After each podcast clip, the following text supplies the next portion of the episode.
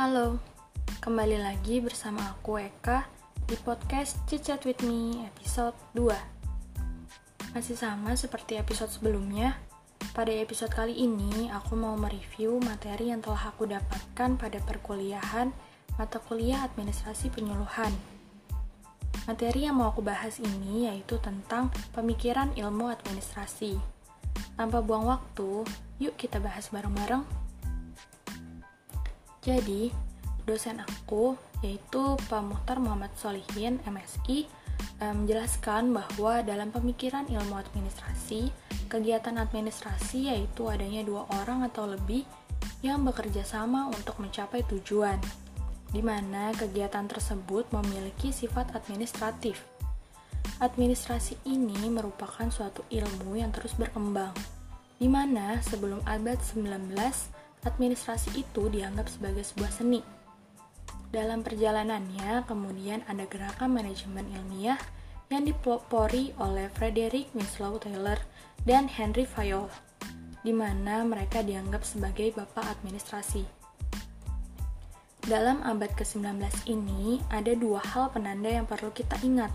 Yang pertama, munculnya gerakan manajemen ilmiah di abad 19 menandakan administrasi sebagai seni dan mulainya administrasi sebagai ilmu pengetahuan. Lalu yang kedua, dalam konteks sebagai ilmu administrasi ini muncul pada awal abad ke-20 hingga sekarang. Nah, dalam teori manajemen administratif Henry Fayol, pendekatannya dengan analisa administrasi dari sudut puncak manajemen atau dari pimpinan atas sampai ke tingkat pimpinan terbawah termasuk para pekerjanya. Sedangkan dalam teori manajemen operatif Frederick Winslow Taylor, pendekatannya dengan analisa dari bawah ke tingkat yang lebih atas dengan titik berat pada efisiensi dan produktivitas para pekerja yang ada di tingkat bawah.